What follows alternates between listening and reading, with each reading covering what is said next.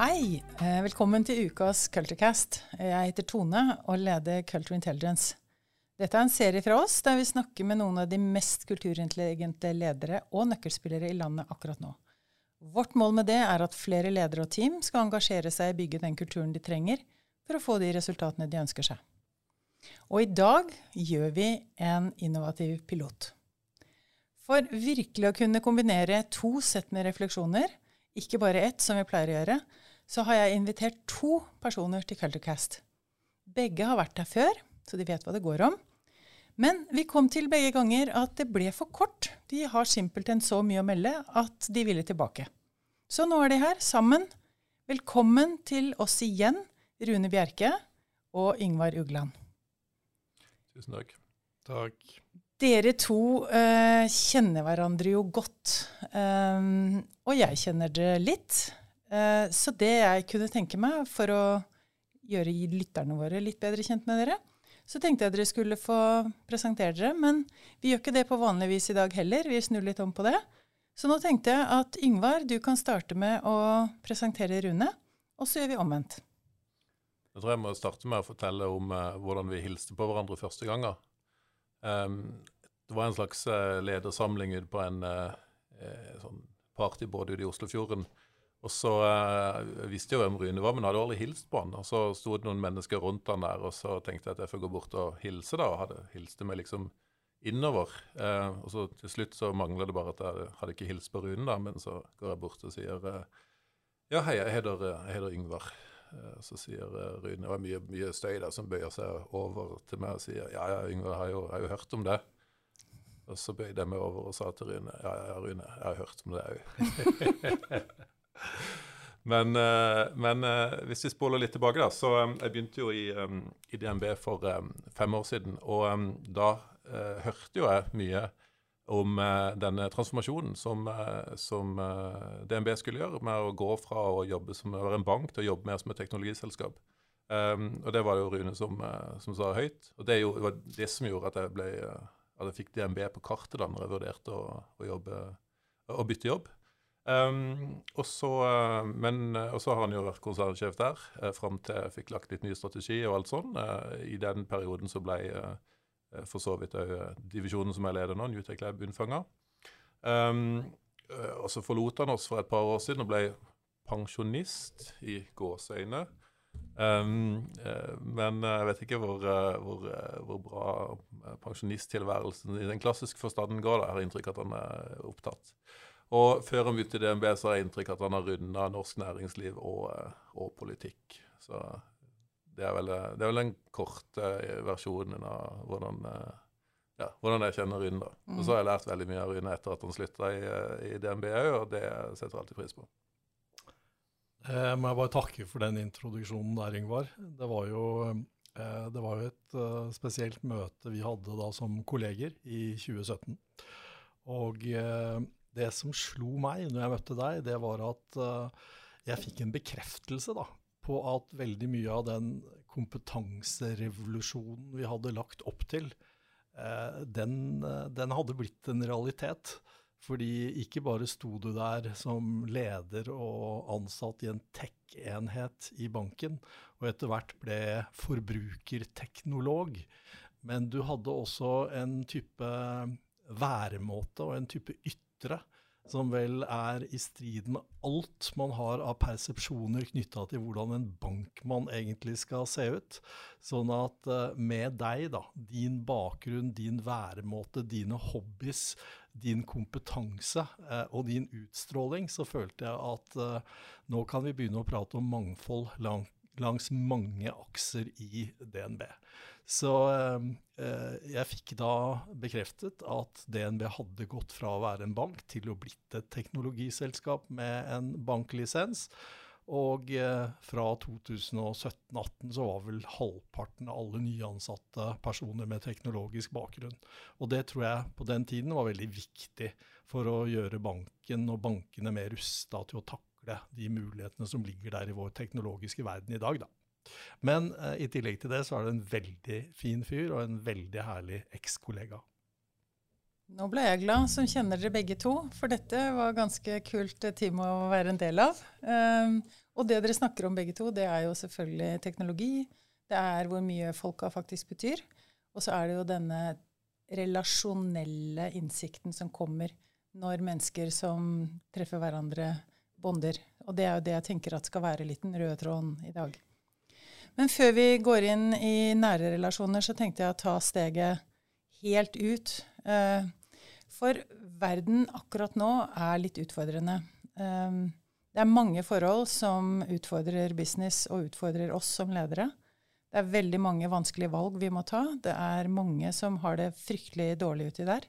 Og det jeg uh, er nysgjerrig på, det er å få litt deres syn på hva er det faktisk som, som foregår. For nå er det strategitid. Og det er budsjettid, og veldig mange lederteam sitter og tenker nå må vi lage denne planen for neste år og neste år der igjen. Kanskje opp mot 25-26. Og hva i all verden skal vi gjøre som antakelser, og hvordan skal vi gjøre dette nå? Det er mye vanskeligere nå enn det har pleid å være. Så jeg kunne veldig gjerne tenke meg, kanskje begynne med deg, Rune. Den økonomiske risikoen. Eh, nå er det fryktelig vanskelig å forutse hva som foregår og kommer til å foregå. Hvordan jobber toppledere nå med dette, sånn som du kjenner de?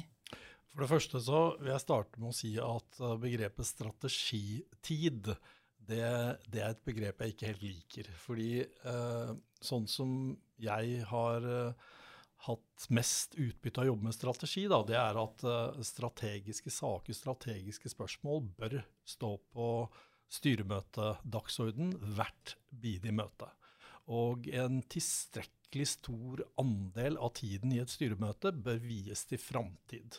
Og disse årlige eller annethvert årlige strategisamlingene hvor man skal stake ut kursen for de tre, fire, fem neste årene, det tror jeg er å plassere seg sjøl i en form for spåkule som man egentlig ikke befinner seg. For faktum er jo at det er mer usikkerhet ute i verden i dag enn noen gang tidligere. Og det er viktigere for en bedrift og en organisasjon å være virkelig gode på å tilpasse seg utrolig raske skift i det som er rammebetingelsene.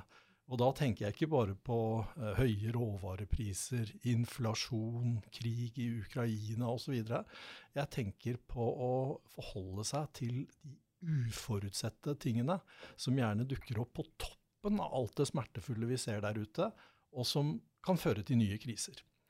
Og det i hvert fall eh, jeg har lært gjennom å ha stått i kriser sammen med styrer og kolleger tidligere, det er at kriser er smertefulle når de står på, men det er også noe som gir vanvittig gode muligheter til å ta nye skift i hvordan man jobber, i hva man sikter mot, hva man produserer.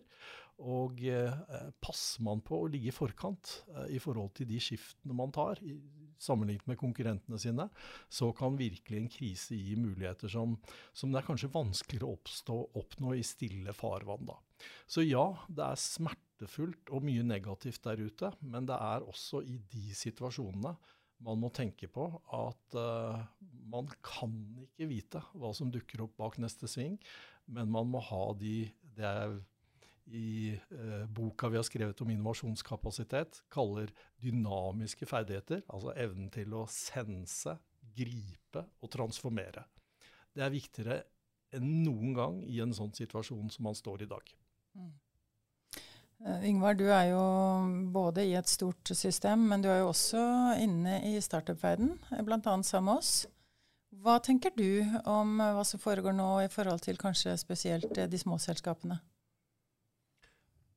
Ja, det er jo um, en um, Folk er jo, sitter og holder tettere på Holder, holder strammere på lommeboka. Og um, det er jo vanskeligere å hente penger. Det tar lengre tid, og det kan jo være ganske utmattende for mange oppstartsselskaper. Um, men samtidig så, så, tror jeg det er litt sunt, da. Fordi at um, det har vært uh, veldig mange selskaper som har vært uh, overprisa. Uh, særlig innenfor disse tingene som er veldig hypa. Uh, jeg trenger ikke si uh, blockchain og metaverse og alt det der, men, men, men de òg. Um, så, så, det er på mange måter en sånn, en sånn sunn utrensing av markedet, tror jeg. Det skjer med jevne mellomrom. Og Det betyr at uh, en, uh, en, må, um, må, huske nøyere på hva, hva, det betyr å være gründer. Da. Grunnen til at vi har begreper innenfor innovasjon som vi har, som vi har arva fra, fra startup-miljøet, som er det sånn lean startup og sånn, det er jo nettopp det at du er nødt til å utnytte hvor, um, hvor, billig du kan drive, og bootstrappe ofte lengre enn det du trengte før, fordi pengene ikke, ikke sitter, uh, ligger løst lenger. Um, uh, og Da er det jo uh, viktig å ha langsiktighet og tørre å stå i det som en, som en tror på gjennom disse krisene. Um, og som, som, Rune sier, at, altså nå er det ikke stille farvann.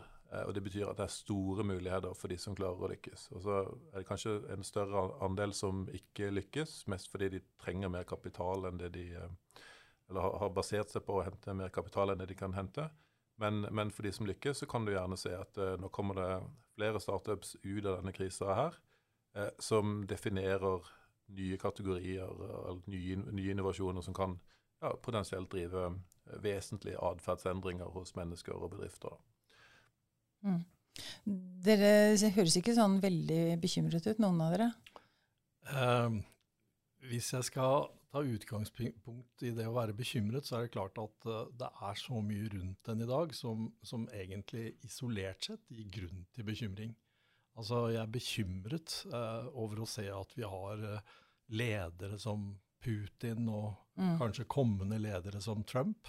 jeg er bekymret over mange av de Eh, resultatene man får, med, får, ved valg, også i Europa.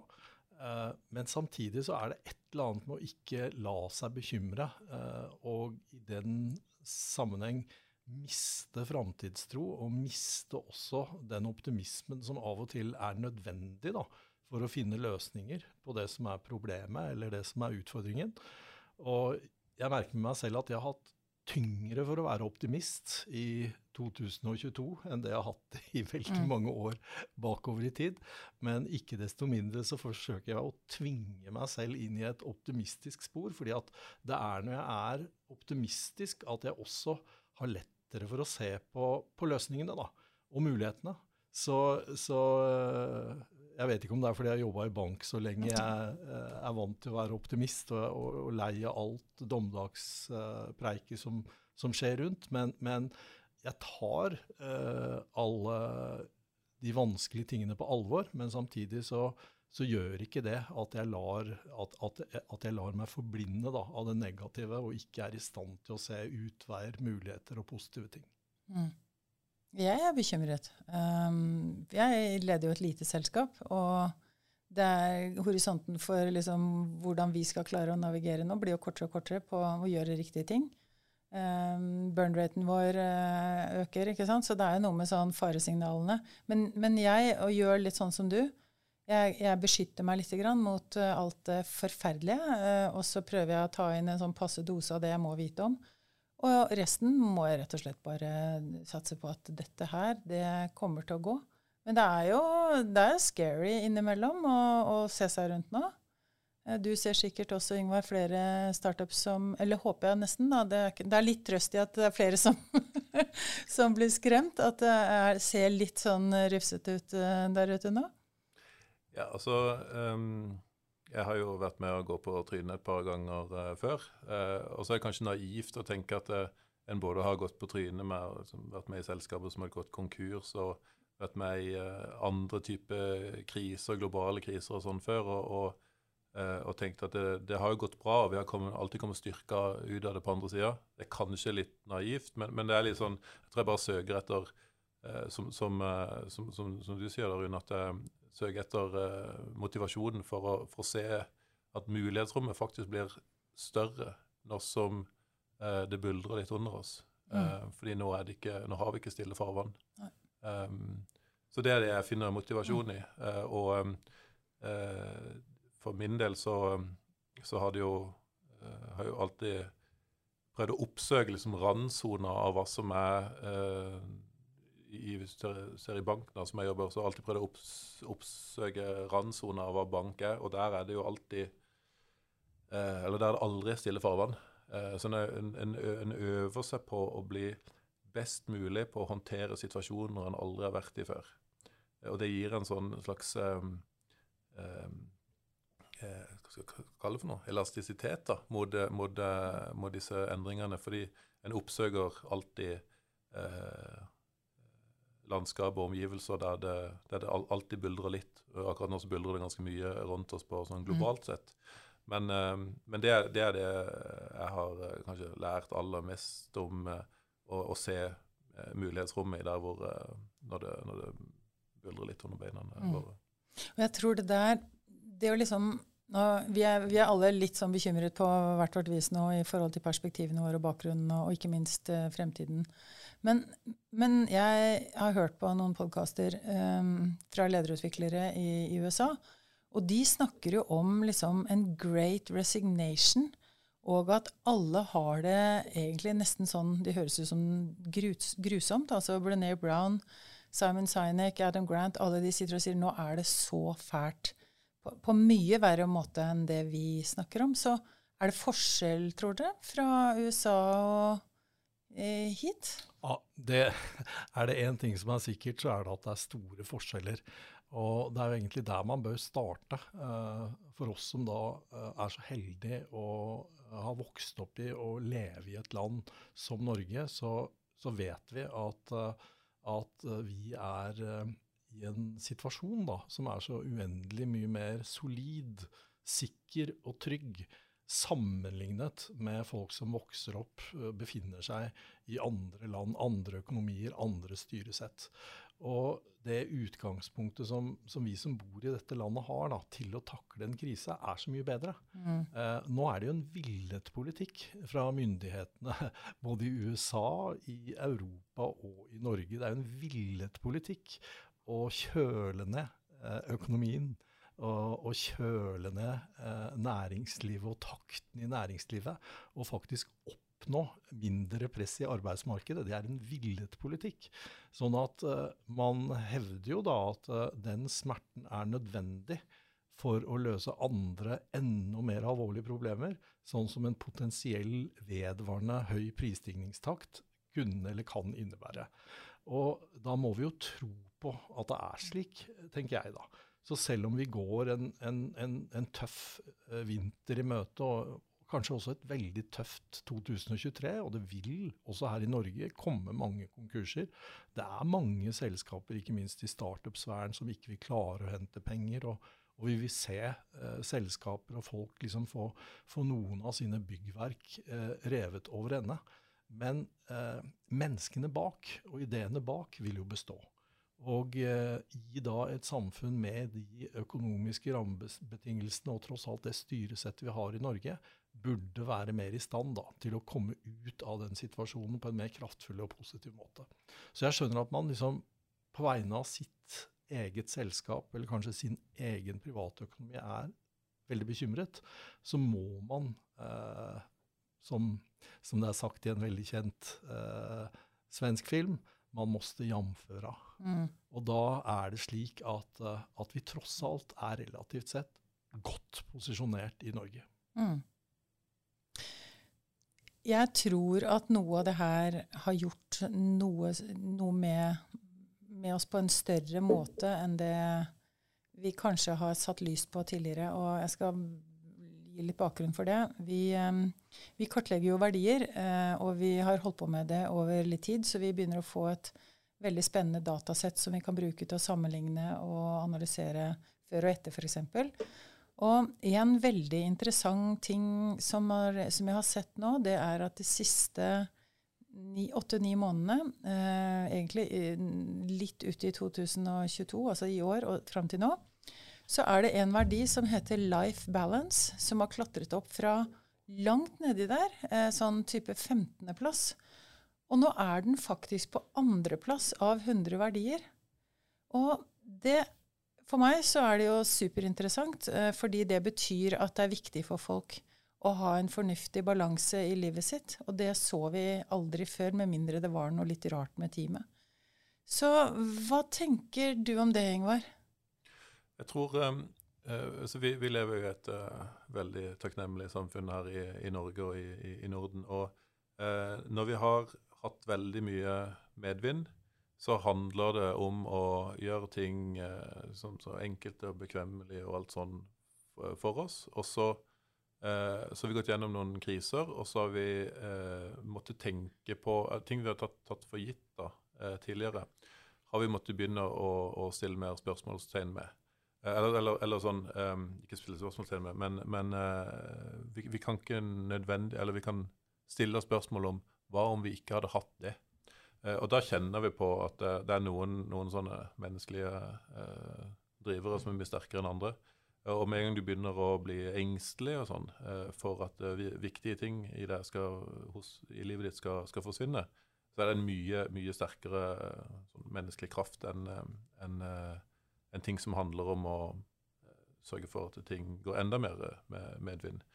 Um, og jeg husker uh, i, uh, gjennom koronakrisa gjorde vi i DNB så gjorde vi noen, um, noen undersøkelser blant kundene våre. Og de i, i mars 2020, altså når, når koronakrisa kom, så var folk bekymra for økonomien sin og, og, om de kom til å beholde jobben og sånn. Men en forventa at det kom til å bli kortvarig, så det handla liksom om å deale med, med krisa på kort sikt.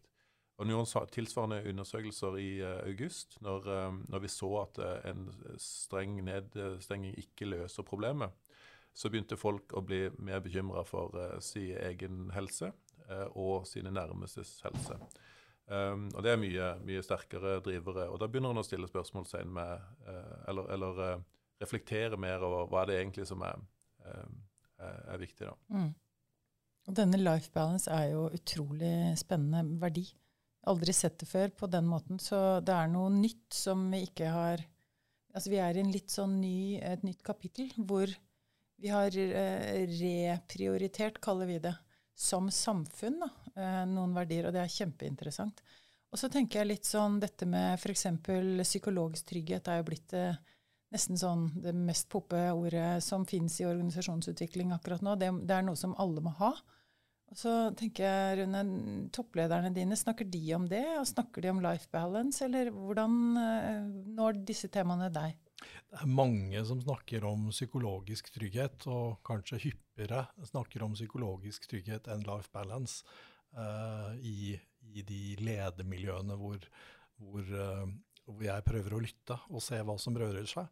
Men jeg tror jo generelt sett også at mange ledere er veldig opptatt av dette med life balance, og særlig etter pandemien så tror jeg mange også har sett at det der med å ha litt mer fleksibilitet knyttet til eh, arbeidsforholdet, det kan være et gode ikke bare for de ansatte, men også et gode for bedriften.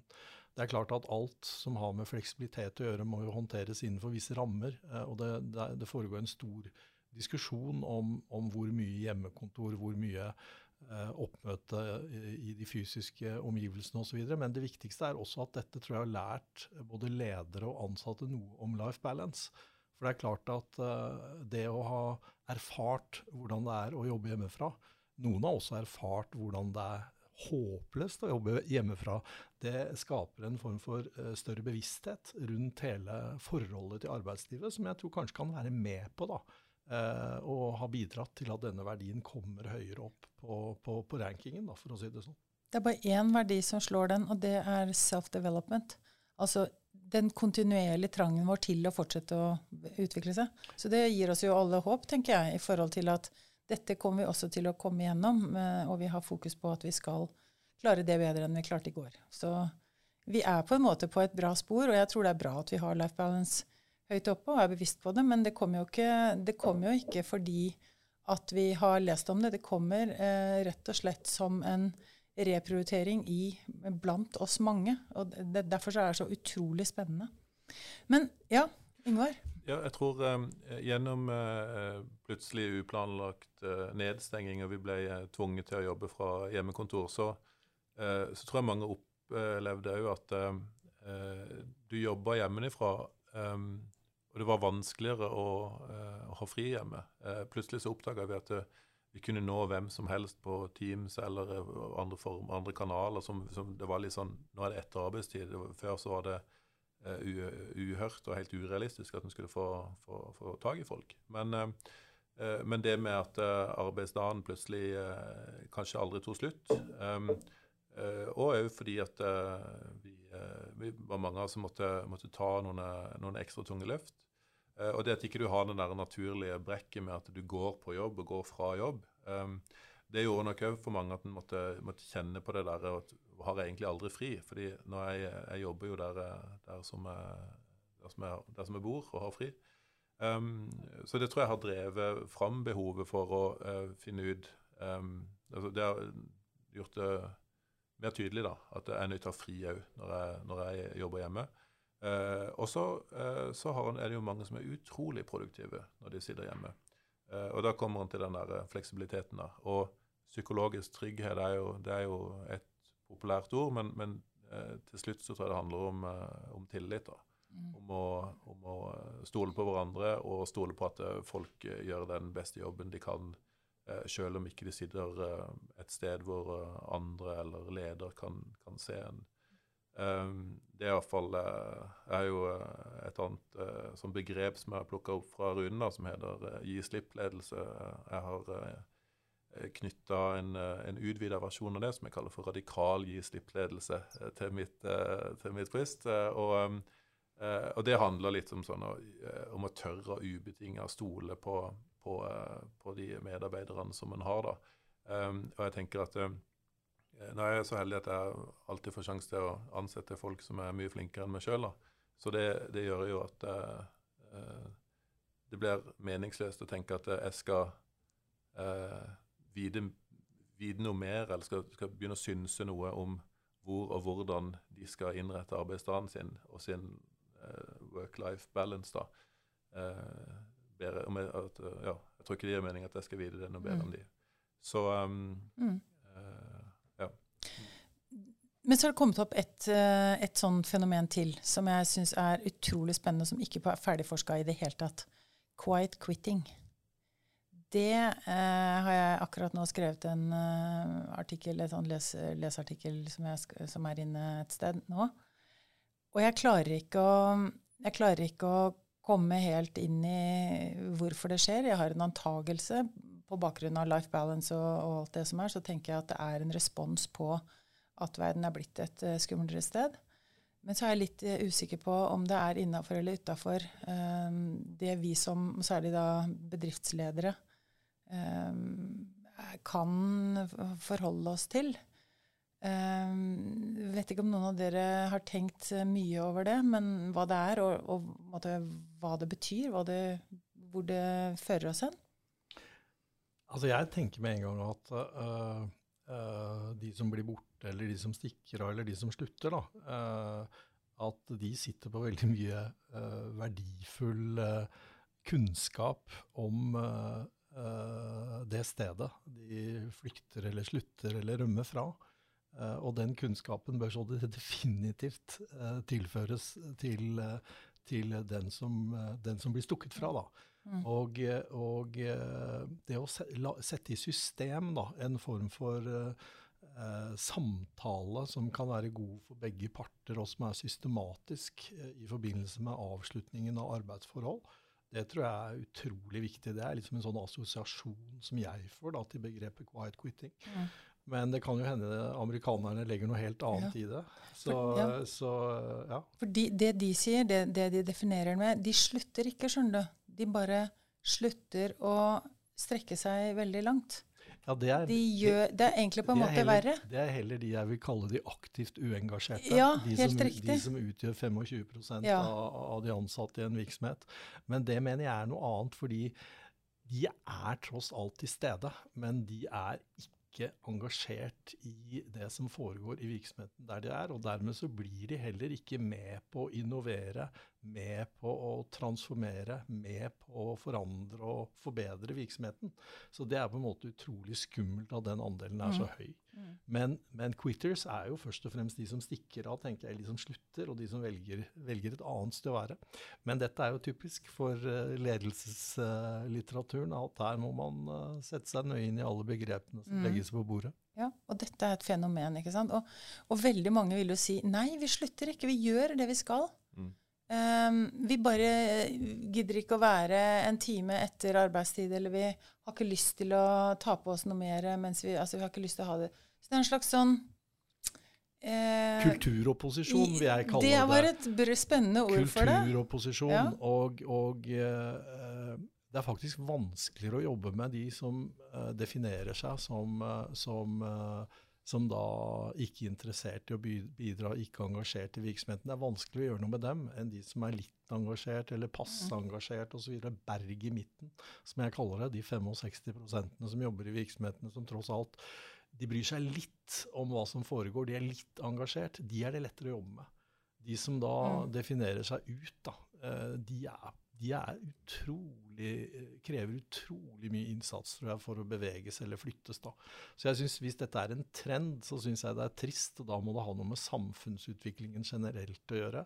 Eh, og jeg har ikke sett det som et tegn da, i de bedriftene i hvert fall som jeg har vært inne i her i Norge i tiden etter at jeg gikk ut av DNB, så vil jeg si at uh, utviklingen går snarere heller i positiv retning enn negativ retning. Det er i hvert fall den, den smule selverfaring jeg har. da. Du er midt inne i dette miljøet som du har tråkket opp de stiene der. Hva tenker du? Ja, øh, øh, jeg skulle bare, En, en, en assosiasjon som kom til det der med quiet quitting og, øh, og sånn, det er jo eh, ikke, ikke, nødvendigvis fra egen erfaringsbank, men, men det, det, det, høres ut som det er lett å trekke paralleller til ekteskap, da. Nå er jeg spent. jo, eh, for det leste jeg i bok for en stund siden. En som foreslo at at ehm, eh, standard varighet på ekteskap burde være syv år. Eh, og det har visst noe med at det er sånn, eh, sånn tids... Altså om det er gjennomsnittlig varighet, eller hva det er for noe. Men, men at ehm, eh, Ikke at de skulle nødvendigvis oppløses, da, men, men, da var det valgfritt å, å, gjøre hva han ville. da. Så da måtte en ta et aktivt valg. For enten så eh, Du blir skilt hvis ikke, eller, eller ekteskapet oppløses etter syv år, med mindre en tar det aktive valget at en går videre. da. Um, det høres jo ut som en sånn, sånn uh, uh, altså, um, Jeg er sikker på at uh, Det slo meg når du sa det, Rune, at det finnes masse nyttig kunnskap om de selskapene som disse menneskene slutter i. Det gjetter jeg på det gjør i ekteskapet òg. men det er noe med sånn der, Da tar du en sånn der Ja, det, er det vi kaller for en, en retrospekt. da. Hva har gått bra, hva har ikke gått bra, og hva er det vi er det vi må endre? Eh, som er vanlig i, eh, i innovasjonssammenheng og i, der, hvor vi, der hvor en driver med ekstremt mye usikkerhet, så er en nødt til å prøve seg fram og nødt til å ta disse, disse retrospektene ofte. da. Um, og det er kanskje noe en kunne uh, vurdert å, å gjøre Prøve seg fram, uh, skape den der samtalen som du har når folk tør å snakke 100% fra levra eh, når de allerede har satt opp, sagt opp og er på vei ut. Mm. Prøve å sette det i, uh, i systemet. Mm. Det er utrolig viktig. Jeg har, jeg har lyst til å komme med ja. en kommentar ja, til. fordi det. Det, det. som går på, som går på uh, engasjement da, i virksomheten, det være seg en bedrift eller en organisasjon, det er uh, utrolig viktig for uh, innovasjonskraften i virksomheten. Men det er også utrolig viktig for eh, det som er eh, de ansattes følelse av å ha det bra på jobben. Og jeg mener det er et styreansvar, et lederansvar, å jobbe med å få engasjementsnivå uh, høyt opp. Min erfaring er at det jobbes ganske bra med det. Jeg har et inntrykk av at man er mer bevisst på dette med engasjement i dag enn det man var før. Uh, og jeg tror det er vanskeligere for en toppleder uh, å lykkes uh, hvis vedkommende toppleder ikke har evnen til å jobbe med engasjement. det tror jeg også er en sånn ny erkjennelse som, som har kommet i, i, i, mange sammenhenger. Så jeg, jeg, jeg, vil heller se på det fra den motsatte vinkelen. Og, og, og, selv om det er mye negativt trendmessig i samfunnet, så, så ser jeg mer interesse for å jobbe med engasjement, innovasjon, endring og kultur enn det jeg så for 15 år siden. Det er gode nyheter da, for oss. Jeg håper Nå begynte det å bli litt eh, positivt her på, på fremtidsutsiktene. Det er bra. Jeg har jo ståltro på at folk finner ut av det sammen, så jeg er jo veldig egentlig sånn på at når folk blir utsatt for en utfordring, så kommer vi til å, å få det til. Så det er derfor jeg er så forbauset over denne quiet quittingen, og det fascinerer meg veldig. For jeg, jeg, har liksom ikke helt fått forståelsen av det. Men noen vi ikke har snakket om, det er disse young professionals.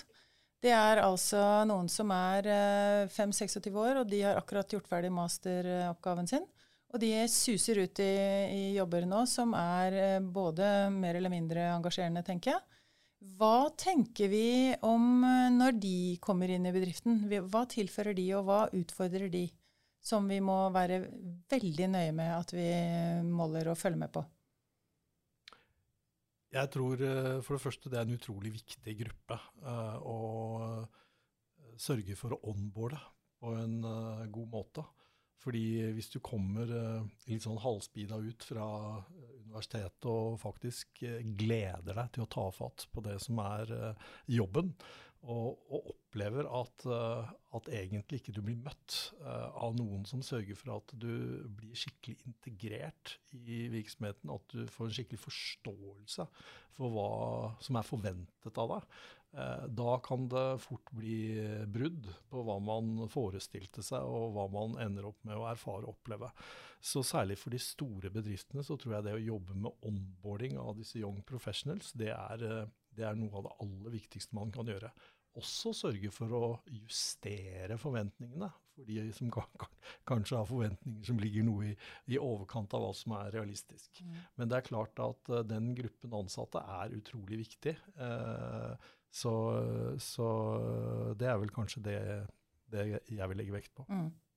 Hva tenker du, Ingvar? Du har mm. vel sett uh, mye av det? Ja, ja helt enig. Og, og i i teamet mitt så har vi gjort en sånn regel at vi, vi alltid skal, når vi skal ansette nye folk, skal vi alltid ansette noen som, som bringer noe nytt til bords. Vi kaller det for en, en nye superkrefter. Av en, en, en, ny superkraft som vi ikke har på laget fra før. Uh, og det, det, er jo uh, Det handler om uh, nye erfaringer, nye perspektiver, nytt engasjement, andre grunner til altså andre ting som driver engasjement osv. Og, og, um, og så tenker jeg at Eh, som, som en på uh, organisasjonsnivå òg, så, så, tenker jeg det samme bør gjelde der. da. Det her handler bare om en ny demografisk gruppe som bringer noe nytt til bords. Nye superkrefter. Uh, og så er det ikke sånn at alle, alle young professionals er like, men, men en må på en måte omfavne det som, uh, som, som de bringer til bords. da. Um, og, så, um, handler det jo om å, å, å, bringe noe til bords, og så er det andre som bringer noe til det samme bordet. Eh, og, og, det handler jo litt om det der med forventningsstyring. da. Uh, og erkjenne at det, det, er summen av disse superkreftene som, uh, som blir den, uh, den, totale kraften. da. Dette er det vi skal, vi har kartlagt det her, vi, så vi vet hva slags verdier de kommer inn med også. Og det er jo superspennende. Hva tror dere? Hvilken er viktigste verdien deres? Kan dere få gjette? Jeg tror i hvert fall historisk da, så har de kommet inn med større grad av hva skal jeg si, kremmerskap da, uh, i, i, uh, som en grunnleggende verdi. Uh, og, og, det er jo noe virksomheter har gått da, å få en større dose av. Mm. særlig de som har, ja. har, litt utfordringer her og der. Hva tror du, Yngvar? Som du kjenner i? Altså hvis jeg skulle, nå er jo ikke Mine yngste barn er jo ikke så gamle at de skal ut i, i arbeidslivet ennå. Men, uh, men, de sier jo at uh, 'pappa, hva er det egentlig du driver med på jobben?' For du må huske det at kloden er syk, så jeg håper du gjør ja. noe som får hjelpe til på det. Ja, Så bra. Så det er i hvert fall ja. det tenåringene er opptatt av. Ja. De to verdiene som, vi, som er anomalt høye i den gruppen der, det er passion og presence. Og passion kunne vi kanskje tenkt at vi visste, hvis vi tenker oss om, så liksom, de er liksom mye mer sånn og det, det, må være et gøy sted å være. Gidder ikke være der hvis ikke det er det, men denne presence er ganske interessant. Mye mer enn det vanlige arbeidslivet på å være til stede og å forvente å bli hørt. Å få mene noe og få være med og sånn. Så det er en veldig sånn på-kultur, eh, da. Og som selvfølgelig rister litt i, i en satt kultur, eller en som er der fra før av. Så det er, noen, det er noen veldig interessante spor å følge i det, i det, kjølvannet der, sånn som vi har tenkt. Men dere, um, nå skal vi gå inn for landing. Uh, det her kunne vi holdt på med i mange timer, merker jeg. Men uh, nå skal vi, med hensyn til lytterne, så skal vi skal jeg, hadde tenkt å avslutte med det, det, er tre begrep som jeg tenker at vi kan se litt, hvis vi ser litt framover uh, på, på 2023. Det ene er liksom happiness. Hva skal vi tenke om Og happiness, det, det, tenker jeg på som sånn fravær av smerte. altså hva, hva, kan happiness, Hvordan kan det se ut i 2023? Og så er det dette med mening. Eh, hvordan kan mening se ut i 2023? Og så er det det tredje begrepet purpose. Hva er det vi egentlig er her for, som vi skal naile i 2023? Og så kan dere velge hvilken av det dere vil, men, men kunne tenke meg å høre litt sånn noe om 2023 som dere tenker at vi kunne i hvert fall si dette har jeg lyst til å jobbe for? Jeg vil eh, trekke fram det der eh, ønsket om å kunne bidra, da, eh, og, og, og, dette med mening. Og da tenker jeg ofte ønsket om å kunne bidra til noe mer enn å øke bunnlinja til virksomheten. Ønsket om å kunne bidra med noe mer enn å sette nye salgsrekorder. Og det ligger da en, en type forventning, ambisjon og et ønske om at det man gjør også skal være et gode, et større gode for samfunnet. Da. Og at uh, man på en eller annen måte må uh, bidra den veien gjennom det man gjør, for å hele tiden sørge for at virksomheten vinner fram i konkurransen. Da. Mm. Har du noe spesielt i tankene, Rune, som du skal gjøre? Men dette går, jo he, dette går jo hele veien på alt som har å gjøre med mangfold, miljø, helse, sikkerhet, alle de tingene der som, eh, som, som jeg opplever at det er kjempemye høyere fokus på uh, overalt uh, i dag enn det det var for fem-ti år siden. Mm. Og det kommer bare sterkere og sterkere. Mm. Bankene f.eks., de vil ikke etter hvert så vil de ikke låne ut penger, gi kreditter til selskaper som ikke har dette høyt på dagsorden. Spennende. Hva med deg? Hva tenker du om 2023? Mm, altså, eh, la oss eh, håpe at eh, verden eh, fortsetter å Eller, eller at, verden, eh, at optimismen som vi, vi snakka om innledningsvis her, vil eh, faktisk ha noe grad av, av realisme i seg. og så er det det der med at hva kan vi lære av, av en verden i, i, kaos og usikkerhet nå, da? Og, og, og litt av det der eh, som vi snakka om, med, med, hva er det som egentlig betyr noe. og om du kaller det mening eller purpose. Jeg tror, eh, jeg tror det, er lettere å finne fram til hva er det de der uh, ufravigelige indre greiene inni hver enkelt av oss som uh, hva, er de, hva, er det de, er Det er lettere å finne fram til de nå når, mm. enn, enn når, vi, når, vi, er i medvind. Og så um, Eh, så tenker jeg det er en fin anledning til å stille seg spørsmålet om, eh, om de folkene som du jobber sammen med, som er rundt deg, deler det samme grunnlaget, da, samme, samme purpose. Um, og, eh, og, hvis de gjør det, så, så tenker jeg det er, det er, viktig å ta med seg. Og det, det, gjør, det forsterker evnen til å stå sammen og klare, klare seg gjennom vanskelige ting. Uh, og så tror jeg hun skal uh, ikke være så redd for å uh, gjøre noe med det dersom en opplever at uh, en ikke har uh, Altså at folk rundt en ikke deler det samme kalde verdigrunnlaget. da. Handle. Spennende. Um, jeg gleder meg veldig til å radikalt endre hvordan folk jobber sammen. Det er vår purpose. Og jeg tror med all ydmykt og, og respekt for alle at det kan bli viktigere i tiden som kommer. Fordi nå blir det litt vanskeligere, men, men å jobbe sammen eh, forstå hvem jeg er og du er og vi er sammen, og virkelig bruke det beste av det, det er jeg ganske sikker på at kommer til å bli minst like viktig i 2023. Så jeg har egentlig bare lyst til å si tusen takk for at dere bidro til Det ble nesten sånn uh, World News. Merk det, kjør den ut på CNN eh, til alle. Men de perspektivene her har jeg lyst til å gjeninvitere dere litt utpå 2023. Ta opp igjen tema. Og så sier de sånn Hvor er vi igjen, og hva har vi erfart? Og følger litt med på det. For det er utrolig meningsfullt å, å jobbe med sånne saker som det. Så tusen takk. Eh, håper vi ses veldig snart. Takk.